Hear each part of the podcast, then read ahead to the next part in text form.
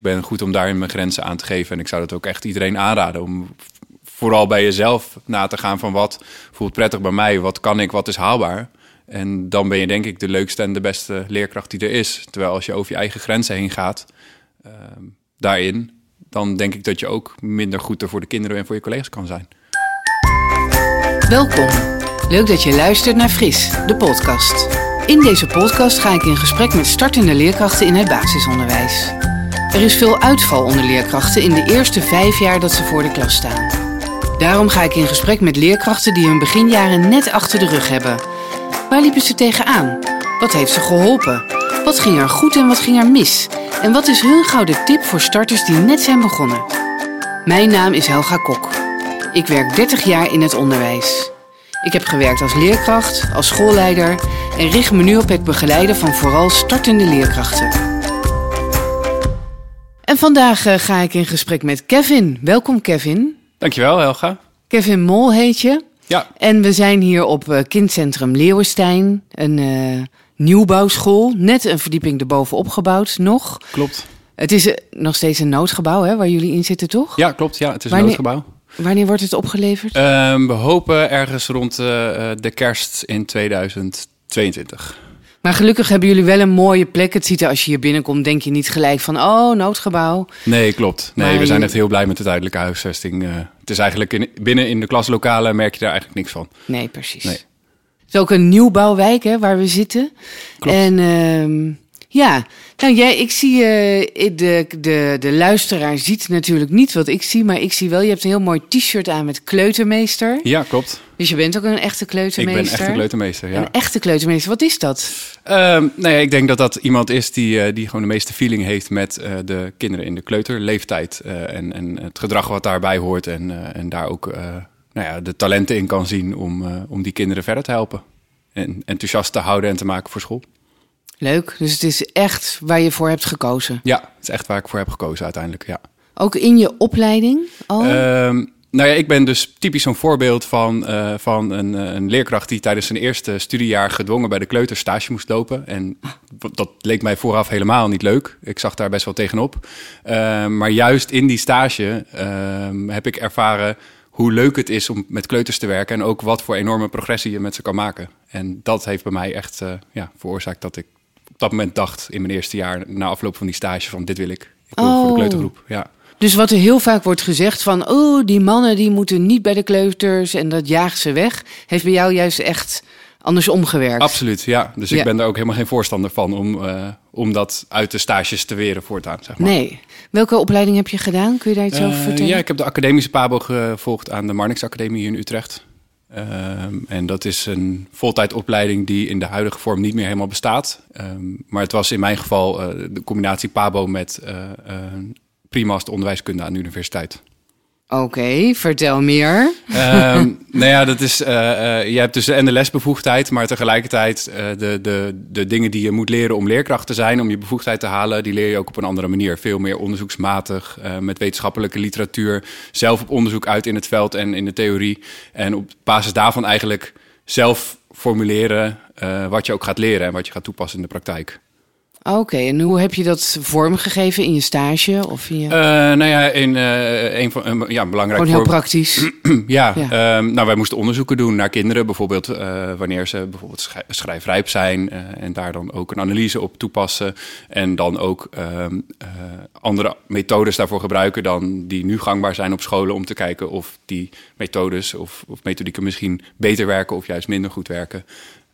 dat is een voorbeeld van. Hoe, hoe was het om de academische PABO te doen? Ja, ik heb vond... je een goede keuze gemaakt? Ja, ik heb een hele goede keuze gemaakt. Want ja. uh, juist door het zelf onderzoeken en door het op die manier ook in aanraking komen met ook echt uh, externe partijen. En uh, ja, daardoor heeft dat, heeft me nog enthousiasme voor het vak gemaakt. Oké, okay. ja. wat voor externe partijen bijvoorbeeld? Um, nou ja, wij gingen bijvoorbeeld heel erg veel naar onderwijscongressen, maar dan congressen die gericht waren op onderzoek in onderwijs. Uh, en um, ik heb onder andere ook geparticipeerd in een uh, onderzoeksgroep waarbij we echt wetenschappelijk onderzoek deden in Europees verband. En ik dan op een school in Nederland, uh, maar waar ook andere landen bij betrokken waren.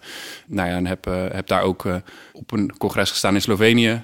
dat is een voorbeeld om die kennis te delen. Wat leuk. En dat is iets wat je op de normale Pabo niet, eh, niet snel meemaakt. Dan heb je wel een reis, maar dat is toch anders. Ja, want je hebt echt dingen eh, gedeeld, overgedragen. Ja, aan, echt, ja. aan- wa- wat bijvoorbeeld? Eh, nou, dat was een onderzoek op, eh, wat gericht was op sociaal ondernemend leren. Of kinderen leren te sociaal ondernemen eigenlijk. Eh, vanaf jonge leeftijd al op de basisschool.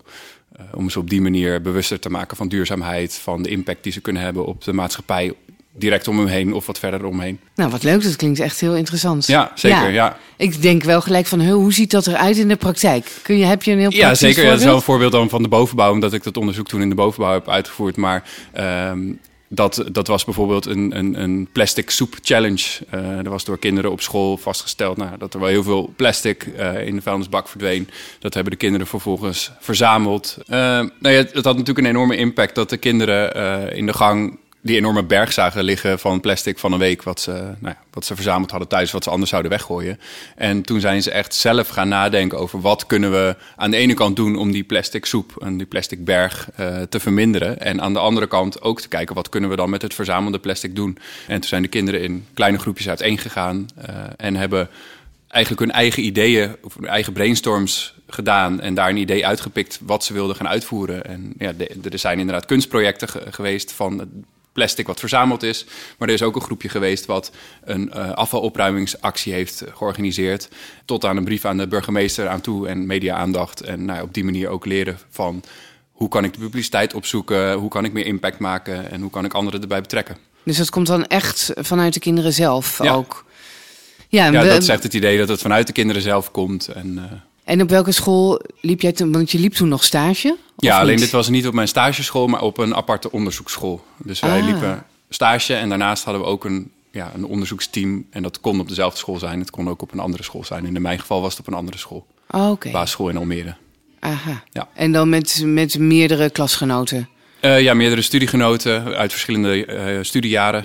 Eh, dus niet per se uit mijn eigen klas. En dan eh, ook onderzoekers van de Marnix Academie daarbij. Oké. Onderzoekers eh, onder de leraren, die ook een academische graad hadden op die school.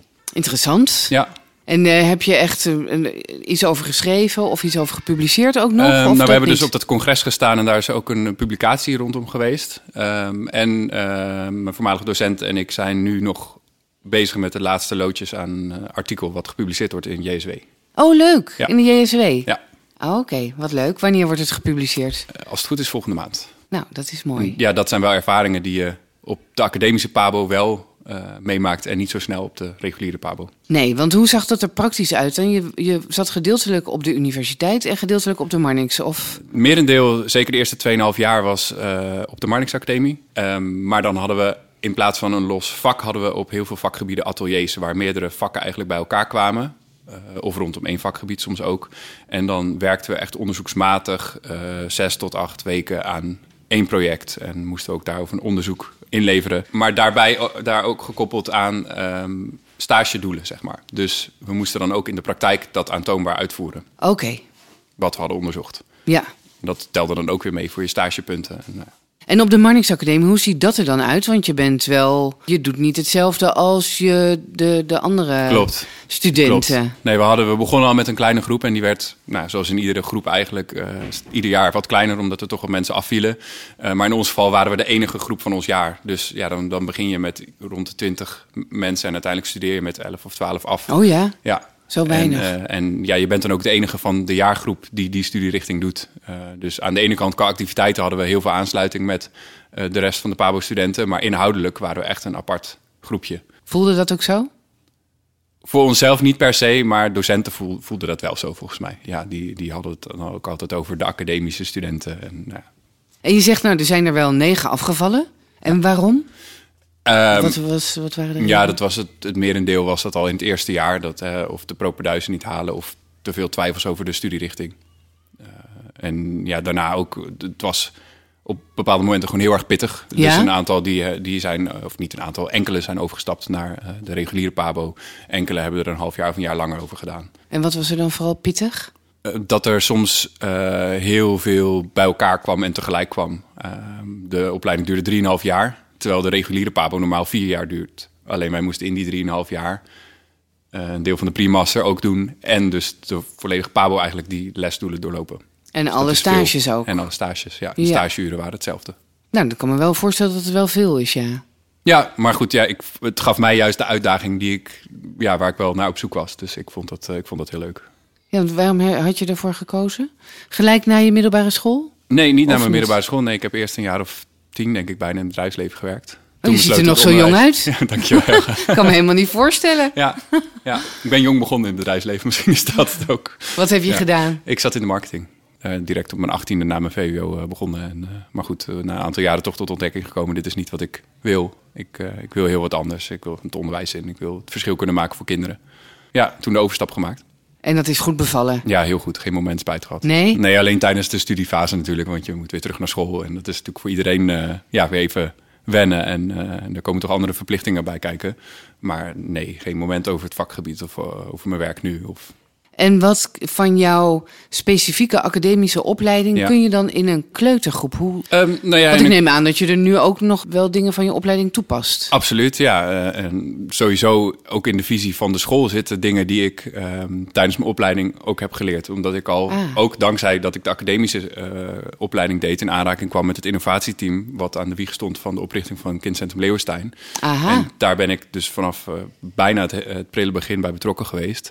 En een aantal dingen die, die ik ook echt onderzocht heb, of waar we, die we geleerd hebben op de academische opleiding, zijn nu ook echt onderdeel van de identiteit van de school. Oh, echt waar? oh, omdat wat dat leuk. is ook waarom ik zo mooi bij Leeuwenstein past. Omdat dat gewoon heel erg matchte al. En dat bleek al in het beginstadium. En wat is nou heel bijzonder dan van de visie van Leeuwenstein? Nou, ja, bijvoorbeeld het eigenaarschap wat wij aan kinderen willen geven. Dan echt al vanaf de kleutergroep. Ehm, wij bepalen al met, met kleuters eh, al heel snel in het schooljaar. Ja. Ehm, eh, groeidoelen bijvoorbeeld. Eh, daar gaan we volgende week mee starten. Dan krijgt een kind, ook van vier al, krijgt een groeidoel. Nee, dat krijgt hij niet. Die bepalen we samen. Oké. Eh, het komt echt uit Hoe, het kind. hoe, hoe doe je dat? geen gesprek voeren met het kind van, nou ja, wat zou je willen leren, of wat vind je nog moeilijk. Eh, en op basis daarvan, eh, nou, wat er uit het kind komt, ga je een groeidoel vaststellen. En dat kan zijn eh, dat het kind zegt, ik wil mijn naam leren schrijven. Het kan zijn dat een kind zegt, ik wil een puzzel goed kunnen maken, zelfstandig. Het kan zijn dat een kind zegt, ik wil alle dierennamen in het Engels leren. En dat groeidoel, waar het kind dus ook echt de eigenaar van is, dat hangen we op de muur.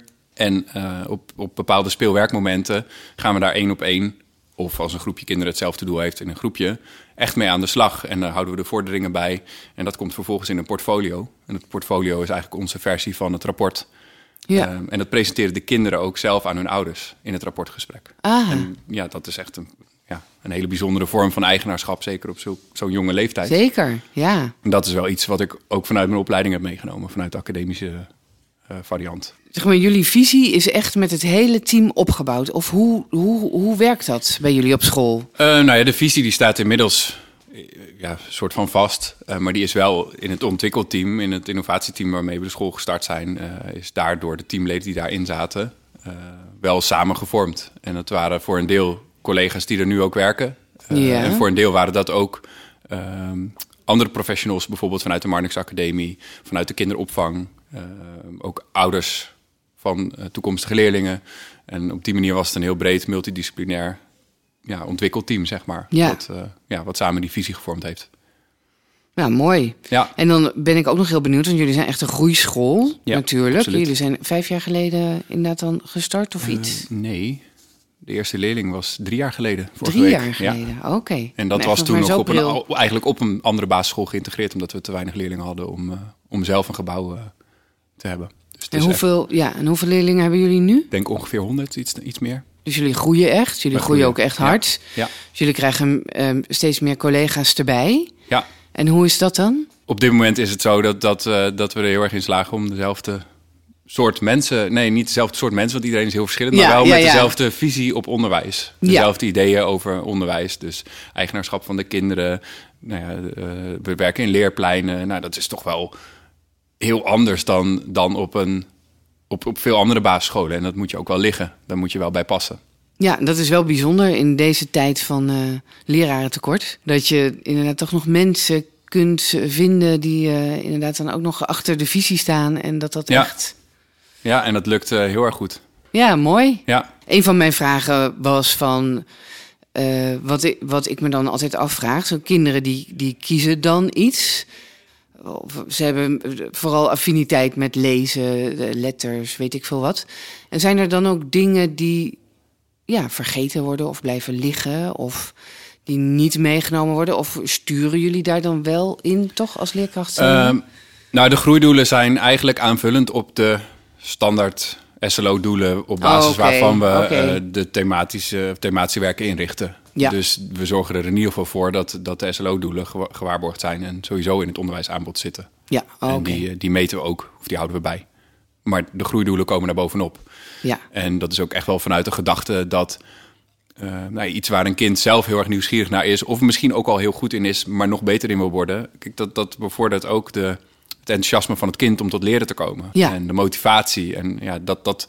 Kijk, kleuters die zijn vanaf dat ze hier de school binnenkomen zo leergierig, zo gemotiveerd om te leren, eh, zo, zo enthousiast. ja, Dat wil je graag vasthouden. Dat je, ja, je ziet toch vaak dat het bij een aantal kinderen gaandeweg hun schoolcarrière afneemt. Of Ja. omslaat in dat ze toch wat meer, ja, dat ze aan getrokken moeten worden. Ja, dat ze weerstand, ja. allemaal de hele tijd dingen moeten doen die ze eigenlijk niet kunnen. Ja, precies. Ja. En, en eh, ik denk dat een groeidoel in deze vorm al vanaf jonge leeftijd er heel erg aan bijdraagt. Dat, dat kinderen de voordelen zien van het leren, ook voor zichzelf. ja. En dat ze er plezier krijgen in het leren. En ook leren hoe ze het moeten leren. Ja, want het ze ook weer op andere gebieden eh, verder kan helpen natuurlijk. Precies, ja. Ook als ze een keer misschien iets moeten leren wat ze minder leuk of minder enthousiast vinden. precies. Groeiende school eh, binnen het bestuur natuurlijk. eh. Ja. ik ben benieuwd, waar, je, waar, eh, waar, waar komt het nieuwe gebouw te staan? Dat komt hier, de luisteraars kunnen het natuurlijk niet zien, Nee. maar eigenlijk schuin rechts achter mij aan de overkant van de weg. Dus het is hier echt op steenworp afstand. Dus het is nu nog een eh, braakliggend stuk terrein, maar daar komt heel snel verandering in, hopen we. Maar jullie blijven dus echt wel gewoon dit Ja. buurtje en Ja. vertrouwd voor Ja. de ouders en de kinderen. En, Ja, we zijn ook echt, echt we willen echt een verbinding staan met, met de buurt, met de wijk, ja, de mensen eromheen. Ja. ja. En ik ga nog even terug naar die groeidoelen. Want ik kan me ook voorstellen, je bent echt een starter. Je bent net, zo klinkt het helemaal niet natuurlijk. Maar je bent echt een starter. Want Klopt. heb je je diploma al? Ja. Of ja, in januari eh, dit jaar Ja. gehaald. Ja. ja, als je hiernaar luistert, dat je echt denkt... Nee, je, je klinkt echt alsof je al twintig jaar in het onderwijs zit... en alsof het zo is wat je doet en of het je zo makkelijk afgaat. ja, is niet Ja. zo hoor. Nee, dat is niet zo. Nee. Want, eh, heb je dingen ervaren als starter die je lastig vond als starter? Of kun je daar nog iets... Wat ging er niet goed eigenlijk? Nou ja, eh, wat vond je lastig? Wat ik lastig vond was, eh, was om een kleuter goed in te schatten. En dat heeft er vooral mee te maken dat kleuters onderling, of, of vierjarigen alleen al bijvoorbeeld onderling, heel erg in, in lengte kunnen verschillen. Of heel erg kunnen verschillen in taalontwikkeling, waardoor je geneigd bent om snel te denken van, oh, hij is heel lang of hij kan heel erg goed uit zijn woorden komen. Dus op andere vlakken is hij ook zo ver. En dat, dat eh, hoeft helemaal niet zo te zijn. Sterker nog, vaak is dat gewoon niet zo. Nee. En dan maak je toch een, een, een inschattingsfout waardoor Een je van bepaalde ja, een Ja. vooroordeel waardoor je van bepaalde kleuters minder verwacht dan ze eigenlijk kunnen en van andere kleuters juist meer verwacht dan ze eigenlijk kunnen. En dat is wel iets waar ik echt goed naar heb moeten leren kijken om, dat, om, dat, om daar doorheen te prikken, zeg maar. Ja, ja. Maar hoe heb je dat gedaan? Ja, ik denk toch eh, eh, veel eh, sparren met collega's erover, over verwachtingen die je kan hebben. Eh, Ja. Ook al in mijn studietijd met, eh, met medestudenten en docenten. Eh, en, en continu te blijven reflecteren ook en te blijven kijken naar de kinderen. Van wat doen ze nou eigenlijk echt? Wat laten ze nou echt zien? Eh matcht dat met wat ik denk? Eh, ja, kan ik dat wel verwachten? Wat eerlijk Ja. dat je dat zo zegt. Want ik denk dat heel veel mensen daar ja, dat wel herkennen. Ja, en ik denk sowieso in het onderwijs natuurlijk, überhaupt met kinderen, dat je Ja. bepaalde beelden ervan hebt. Eh, maar mij viel wel op dat het bij kleuters, dat de verschillen nog eens veel groter zijn onderling. Qua hoe ze er ook uitzien of hoe ze, ja, hoe ze zich bewegen en dat soort. eh, dat is natuurlijk allemaal nog in ontwikkeling. Ja. En gewoon als startende leerkracht op een school ben je tegen dingen aangelopen. En zeker als academische startende leerkracht.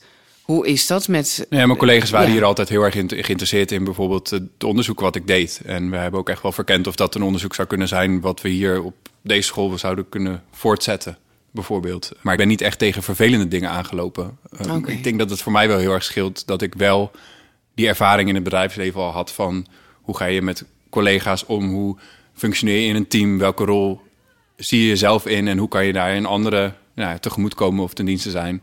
Eh, ik denk dat ik ja, in dat opzicht niet echt startend. Heb je in ieder geval wat levenservaring? Ja, precies. ja, ja. ja. Het zit al in de naam, hè? We hebben het over Kindcentrum Leeuwstein. Ja. En je hebt al iets verteld over de groeidoelen. En je zei ook nog iets heel kort over de leerpleinen. Kun je, wat is een kindcentrum? En kun je nog iets vertellen over de leerpleinen? Wat, Ja. wat is dat? Absoluut. Nou, een kindcentrum is, eh, betekent eigenlijk dat kinderopvang en basisschool onder één dak en onder één organisatie plaatsvinden. Eh, en dat er dus een doorgaande ontwikkellijn is van 0 tot en met ja, meestal 13 jaar, 12, 13 jaar. Ehm, en dat, we, dat dat aansluiting op elkaar vindt. In plaats van dat kinderen naar een losse opvang gaan, eh, vervolgens een korte overdracht plaatsvindt. eh, dat ze dan op de basisschool komen, maar dan later na schooltijd weer eh, naar een losse BSO gaan. En op deze manier ja, is het allemaal geïntegreerd. Werken jullie ook echt veel met elkaar samen? Is Heel veel, nauwe werken heel erg veel met elkaar samen, ja. Ook met de BSO? Ook met de BSO, ja. In principe zitten die ook in dezelfde lokalen als waar wij lesgeven. Dus het is de vertrouwde omgeving voor de kinderen. Eh, er zijn grotendeels dezelfde materialen met een paar aanvullingen. Eh, dus er gelden min of meer dezelfde regels. Eh, het zijn allemaal bekende gezichten. Wij lopen na schooltijd natuurlijk ook nog rond. Oh, dus ja. dat zien ze ook nog. Ja, en dat is wel echt, echt een, een onderscheidend iets van een kindcentrum. Ja, mooi. En de leerpleinen, kun je daar nog iets Ja. over vertellen? Nee, de leerpleinen wil eigenlijk zeggen dat, dat de lokalen wat kleiner zijn of kleiner worden. Want op dit moment hebben we bij de kleuters nog niet echt een fysiek leerplein, maar hebben we het gesplitst in de lokalen, omdat het tijdelijke gebouw het niet toeliet. Ehm, maar de bedoeling is dat straks echt het lokaal van, van de groep bedoeld is voor de kringmomenten, voor het eten en drinken, eh, voor misschien een instructie. En dat op het leerplein centraal eigenlijk alle hoeken in het geval van de kleuters zijn. Dus, dus de speelhoeken, de bouwhoeken, eh, andere constructiehoeken, het atelier om te knutselen of andere creatieve dingen te doen. En dat dus ook de kinderen werken met kinderen uit alle groepen. En ook de Oh. leerkrachten van alle groepen zien, kennen, daar les van krijgen. Ehm, en dat is iets wat we op dit moment ook in het tijdelijk gebouw al doen. Door eh, tijdens het spelen- en werkmoment, dat is twee keer op een dag, ongeveer drie kwartier tot een uur, dat de kinderen echt kunnen kiezen wat ze in een van de drie groepen gaan doen. Oh ja? Dus willen ze in het atelier, dan zitten ze bij mij in de groep. Willen ze bijvoorbeeld in de bouwhoek spelen en werken, dan gaan ze naar de groep van de apen. Eh, en ook met die docent. En eigenlijk lopen alle leerkrachten ook rond over het leerplein. Dus het is niet zo dat ik alleen maar in mijn lokaal ben en mijn collega alleen in haar lokaal. Maar er is wel veel voorbereiding ook in de zin van dat moet je logistiek, moet dat allemaal wel kloppen. Ja, we werken met een digikeuzebord. Dus dat is eigenlijk het bord wat veel mensen van vroeger in de kleuterklas kennen... met de naamkaartjes die je ergens opplakt. Alleen dan digitaal. Ehm, maar dan hebben we eh, één keer een goed ja, rooster gemaakt... Wat, wat ook in de weken rouleert... waardoor eigenlijk eh, iedere hoek in, het, in de juiste plek staat... en dat kinderen daar ook voor kunnen kiezen. Dus die schuiven hun naam daar naartoe... en die weten precies waar die hoek is, waar die activiteit is. Gaan daar zelfstandig naartoe. Uh, en dat rouleert dus ook, waardoor de ene week bijvoorbeeld de apen met de flamingo's samen in het atelier zitten. En de week erna uh, de flamingo's met de giraffen. Ja. En eigenlijk is mijn ervaring dat het organisatorisch misschien wat minder werk is, juist omdat je niet uh, iedere hoek los op kleine schaal in je klas hebt. Wat vaak in een kleuterklas het geval is. Dan heb je, heeft iedere kleuterklas heeft een bouwhoek, een huishoek, een atelier, een rekenkast. Nou, noem het allemaal maar op. Um, ik hoor jou zeggen de giraffen en de apen. En hoe is dat zo uh, ontstaan? Ja, dat is eigenlijk ontstaan vanuit de naam van de school, Leeuwenstein. En uh, toen ah. hebben we met de kinderen die hier als eerste gestart waren... Uh, toen we naar, twee, naar de tweede groep gingen, nou, besloten van... Nou, hoe gaan we nou de klasse dan noemen?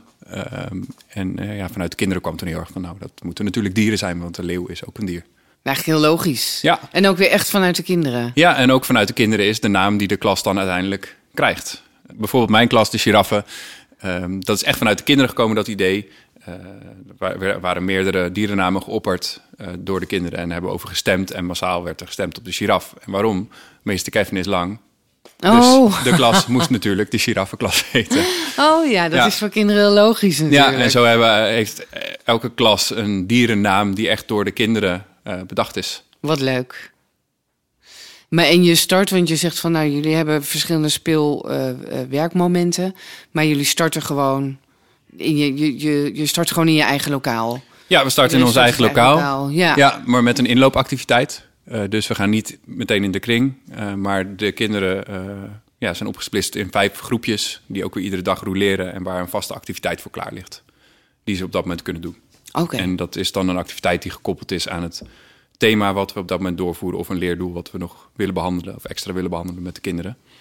En op die manier komen ze heel zelfstandig binnen en ben ik in staat om eh, de kinderen of de, de groepjes waarbij dat handig is te begeleiden. Of juist ook even contact te hebben met ouders, eh, als die daar behoefte aan hebben. Of Ja. met een individueel kind als, er, nou, als die op een bepaalde manier binnenkomt. Ja. Ouders mogen wel weer binnen inmiddels? Nee, ouders mogen bij ons nog niet binnen. Nee. Nee, ze, ja, ze geven hun kind als het ware over eh, bij, de, bij de ingang. Het kind loopt zelfstandig naar binnen en eh, ja, hangt zijn jas op zijn tas. Ja. Hoe gaat dat? Dat gaat eigenlijk heel erg goed. Ja. Ik merk eigenlijk dat het voor de kinderen misschien zelfs beter is. Dit. Ja. Ze worden er zelfstandiger van en komen ook in één keer los van de ouders. Ehm, terwijl als je ja, ouders in de klas hebt, dan is het voor de ouders natuurlijk heel fijn. En voor de verbinding en het contact met de ouders is het ook heel fijn dat de ouders Ja. er zijn. Maar je merkt wel dat het die momenten eigenlijk helemaal niet zo om de kinderen draait. Dat het meer draait om de ouders. Wat de Ja. ouders willen zien, wat de ouders willen weten van hun kind, van mij. Wat het ook lastiger maakt om afscheid te nemen vaak, Absoluut, ja. denk ik, voor kinderen. En bij de een is het weer anders dan bij de ander. Klopt. Ja, hoe laat starten jullie? Wij starten om eh, tien voor half negen. Gaat de deur in ieder geval open. Om half negen starten we echt. Ja. Tot twee uur. En daarna? En daarna, ja, dan, eh, dan eh, hebben we even pauze. Want dat hebben we tijdens de dag niet. Omdat we een continu rooster hebben. Ja. En daarna, eh, ja, dan nieuwe thema's voorbereiden. Nieuwe activiteiten voorbereiden. Vergaderen, oude gesprekken. Ja, eigenlijk een beetje alles wat er bij ja, na schooltijd nog komt kijken. Ja. En hoe is dat voor jou als, als starter? Want daar lopen wel veel starters ook tegenaan. Zodat voor alles wat erbij komt.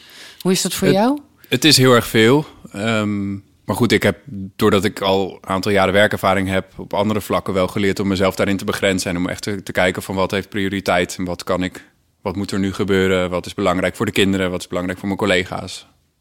Ja, Ja, je loopt niet tegen dingen. ik loop zelf, nee. Ik, Aan ik ben goed om daarin, mijn- nee, ik ben goed om daarin mijn grenzen aan te geven. En ik zou dat ook echt iedereen aanraden om vooral bij jezelf na te gaan van wat voelt prettig bij mij, wat kan ik, wat is haalbaar. En dan ben je denk ik de leukste en de beste leerkracht die er is. Terwijl als je over je eigen grenzen heen gaat, ehm, daarin, dan denk ik dat je ook minder goed er voor de kinderen en voor je collega's kan zijn. Ja, dat is heel mooi wat je zegt en hoe je het zegt ook. Ja. Dankjewel. Ehm, Kevin, stel dat jij directeur zou zijn van een school. Eh, wat zou jij nou doen om de starters binnen jouw school het ja, echt door die eerste jaren heen te helpen? Zodat ze niet, wat toch nog te vaak gebeurt, eh, het, het onderwijs weer verlaten. Ik zou eh, heel erg investeren, eh, of heel erg veel tijd investeren in de starters. Om ze te begeleiden, om van ze te horen waar ze tegenaan lopen. om daar ook ervaren leerkrachten naast of bij in de buurt te zetten, zodat ze daarvan kunnen leren. En, en ja, daarin echt investeren. Ik hoor van andere scholen toch nog wel, van ou- medestudenten, dat ze soms zich wat voelen zwemmen. En ik werk zelf op een school waar juist heel erg veel sparringpartners zijn, heel erg veel begeleiding is, heel erg veel tijd gemaakt wordt als je een behoefte uit.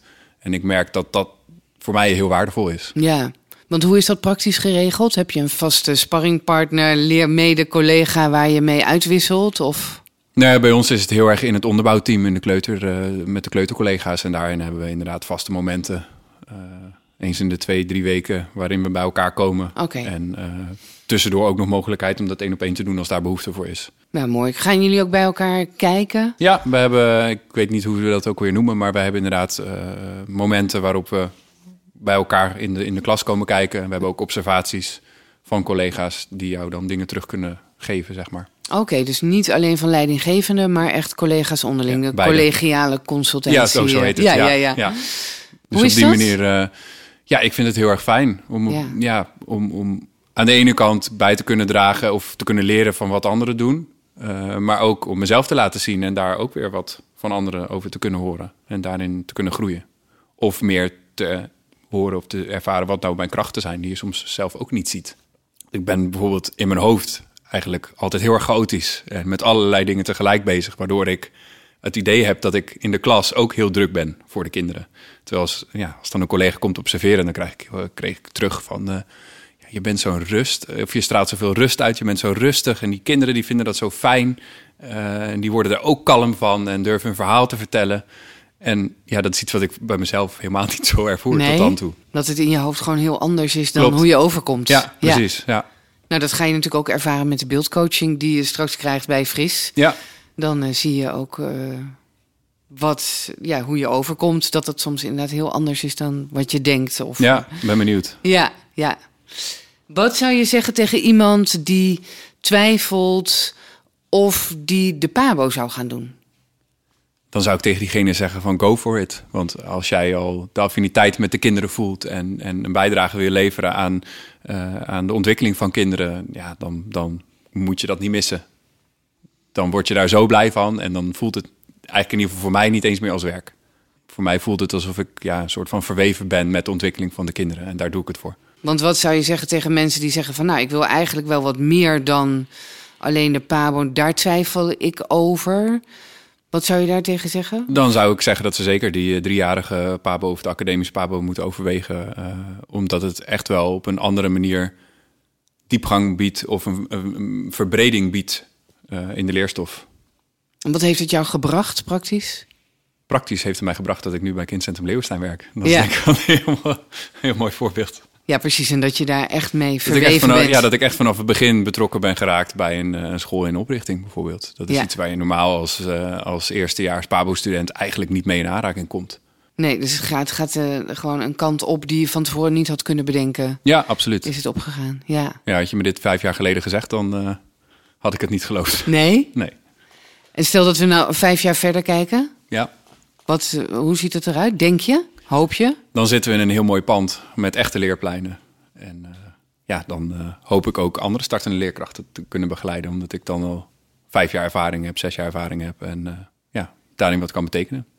En ik hoop vooral over vijf jaar dat de kinderen die nu met vol enthousiasme hier binnen rennen, meester Kevin roepend, dat ze dat over vijf jaar ook nog steeds doen als ze in groep 6, 7, 8 zitten en mij zien. ja. Ja. Jij komt uh, naar Fries. Jij komt de training volgen. Ja, klopt. Wat hoop je daar nog te leren of te ervaren? Of te, wat hoop je dat Fries je gaat brengen? Nou, ervaringen horen van andere startende leerkrachten en uh, verhalen. En uh, ook uit misschien ja, van andere soorten scholen of met andere soorten kinderen op de scholen. En, ja, om op die manier daar ook uh, van te leren. En misschien ook wel een stukje kennis van mij te delen die ik heb opgedaan. Of juist dingen waar ik tegenaan loop. Uh, daarover te kunnen sparren. Ja, dat soort dingen. Gewoon vooral horen wat de verschillen zijn en wat we gemeen hebben. En nou, je hebt al verteld dat er af en toe wel eens iets misgaat. Maar is er een keer echt iets heel erg misgegaan? Nou ja, het is wel een keer echt ontploft, ja. Letterlijk. Letterlijk? Uh, letterlijk. um, de kinderen waren bezig in het atelier en er kwam uh, een meisje naar mij toe en die vroeg... joh, meester, mag ik glitters? Dus ik zeg, joh, je weet waar de glitterpot staat, dus pak, hem, pak hem maar. Nou ja, dat ging mis. In die zin dat ze viel terwijl de deksel er niet goed op zat. Oh. En er een hoop glitters op de grond uh, lagen. En ik had op dat moment nog wat andere brandjes te blussen tegelijkertijd. Dus ik was een beetje geïrriteerd. En ik reageerde iets in de trant van... nou, uh, dat is niet zo slim. En uh, ruim het dan maar zelf ook op. het gevolg was dat door de opruim- en veegactie... waarbij alle glitters in de lucht vlogen... de hele klas van huishoek tot atelier... overal zaten glitters. En dat is dus typisch iets wat je in een kleuterklas kan overkomen. Ja. En hoe lang heb je die glitters, die glitters ben je nog tegengekomen? Ja, maandenlang. Ja. Ja. ja, mooi. Nou, hartstikke goed. Ik zie dat je een boekje bij je hebt. Ja, klopt. Ja. Wat, uh, wat is jouw boekentip? Ja, klopt. Dat is het boek uh, Koning en Koning van uh, Linda de Haan en Ster Nijland. En nou, het gaat over een koningin die wil met pensioen. Ze is al oud. ze heeft een zoon, de kroonprins. En die moet nog wel een partner hebben. Want ja, zonder huwelijk kan die ook geen koning worden. Nee. En nou, de, de koningin laat allerlei prinsessen uit allerlei landen langskomen... om door de kroonprins te laten keuren. Uh, maar ja, van geen enkele prinses gaat zijn hart harder kloppen. En uh, nou, totdat er een prinses komt die dus een prins, haar broertje, heeft meegenomen. En daarvan denkt uh, de kroonprins, die zie ik wel zitten. Ah. En nou ja, uiteindelijk trouwt hij met die prins. En gaat zijn moeder met pensioen en wordt koning en koning. Wat leuk. En ik vind het wat een heel geweldig. mooi... ja, ik vind het een heel mooi um, verhaal wat echt op... op gericht op kleuters vertelt dat, nou ja, dat, dat, dat er diversiteit is en dat het niet uitmaakt uh, op wie je verliefd wordt of van wie je houdt en dat het allemaal oké okay is. Ja, maar dat is wel heel nieuw, hè, denk ik inderdaad. Ja. Het is wel heel mooi aangevlogen, ook dat ze dan eerst gewoon als vanzelfsprekend gewoon allerlei prinsessen laten komen. Ja. En dat dat broertje dan en passant meekomt. Ja. Ja. Ja, en het mooie is dus ook als je dit dan voorleest, dat de kinderen verwonderd zijn, gewoon zoals ze altijd verwonderd zijn als er voorgelezen worden. Maar dat ik nog nooit heb meege meegemaakt dat ze het gek of raar vinden. Ze- De, de, de vier, vijf, zesjarigen vinden het eigenlijk een soort van vanzelfsprekend dat dit Ja. gewoon zo kan. Mooi hè? Ja, Krijg je reacties dan van de kinderen? ja eigenlijk dus niet, niet niet. verder Nee, dan dat maar je, je geeft het ze wel op zo'n moment wel mee. En, het, en het, het beklijft dan wel, hoop ik, of denk ik, van, nou Ja. dat, eh, dat de kinderen het gevoel hebben van, ja, dat is toch ook gewoon normaal. Ja, Ja, dat nemen ze toch verder mee. Ja. Nou, dat lijkt me een hartstikke leuk boek, eh, Kevin. Ik, eh, ik ga het straks ook gelijk doorbladeren. Ik heb ook nog een boek bij me, want het is een boek waar ik zelf heel enthousiast over ben. En ik denk het is, dat het een boek is waar veel leerkrachten wat aan hebben. Maar het is niet zo bekend. Ik, eh, ik ken maar één of twee mensen die zeggen: Oh ja, dat boek ken ik. En iedereen aan wie ik het laat zien is gelijk heel enthousiast en schaft het aan. Het heet ehm, eh, Boekenboek. En het gaat over onmisbare jeugdboeken. Oh, Ik ben benieuwd. En het is echt een soort naslagwerk. En je, nou, je, je, als je het open doet, dan zie je al van, nou, je, je hebt een boek gelezen. En dan sla je het op. En dan zie je nog heel veel andere boeken die ook hetzelfde thema hebben, bijvoorbeeld. En op de achterkant staat: Wilt u weten wat u na de brief voor de koning kunt lezen? Of wie de tekenaar van Pippi Langkous is? Bent u nieuwsgierig naar klassieke boekverfilmingen? Welke titels op het nachtkastje van Bart Moejaert liggen? Of waarom Adriaan van Disjoker van Leeuwen bewondert? Ga met het boekenboek op zoek naar antwoorden en laat u tijdens uw boekenzoektocht inspireren. Oh, wauw. Dat eh Ja, ik vind het zo'n leuk boek. Dat wilde ik echt even onder de aandacht brengen. Nou, Kevin, heel erg bedankt voor dit gesprek. Ik vond het heel erg leuk. Ik vond het ook heel leuk om iets te horen over die academische Pabo. Want daar wist ik eigenlijk vrij weinig van.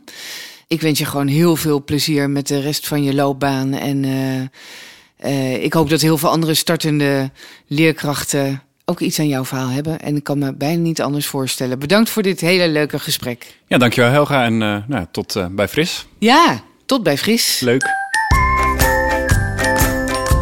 Dankjewel voor het luisteren naar Fris, de podcast. Deze podcast werd mede mogelijk gemaakt door PCOU Willibrord en Martijn Groeneveld van Mailman Studio. Vond je deze podcast leuk? Of heb je een vraag aan mij of een van de volgende leerkrachten? Laat het dan even weten in de comments hieronder. Dankjewel en tot de volgende keer.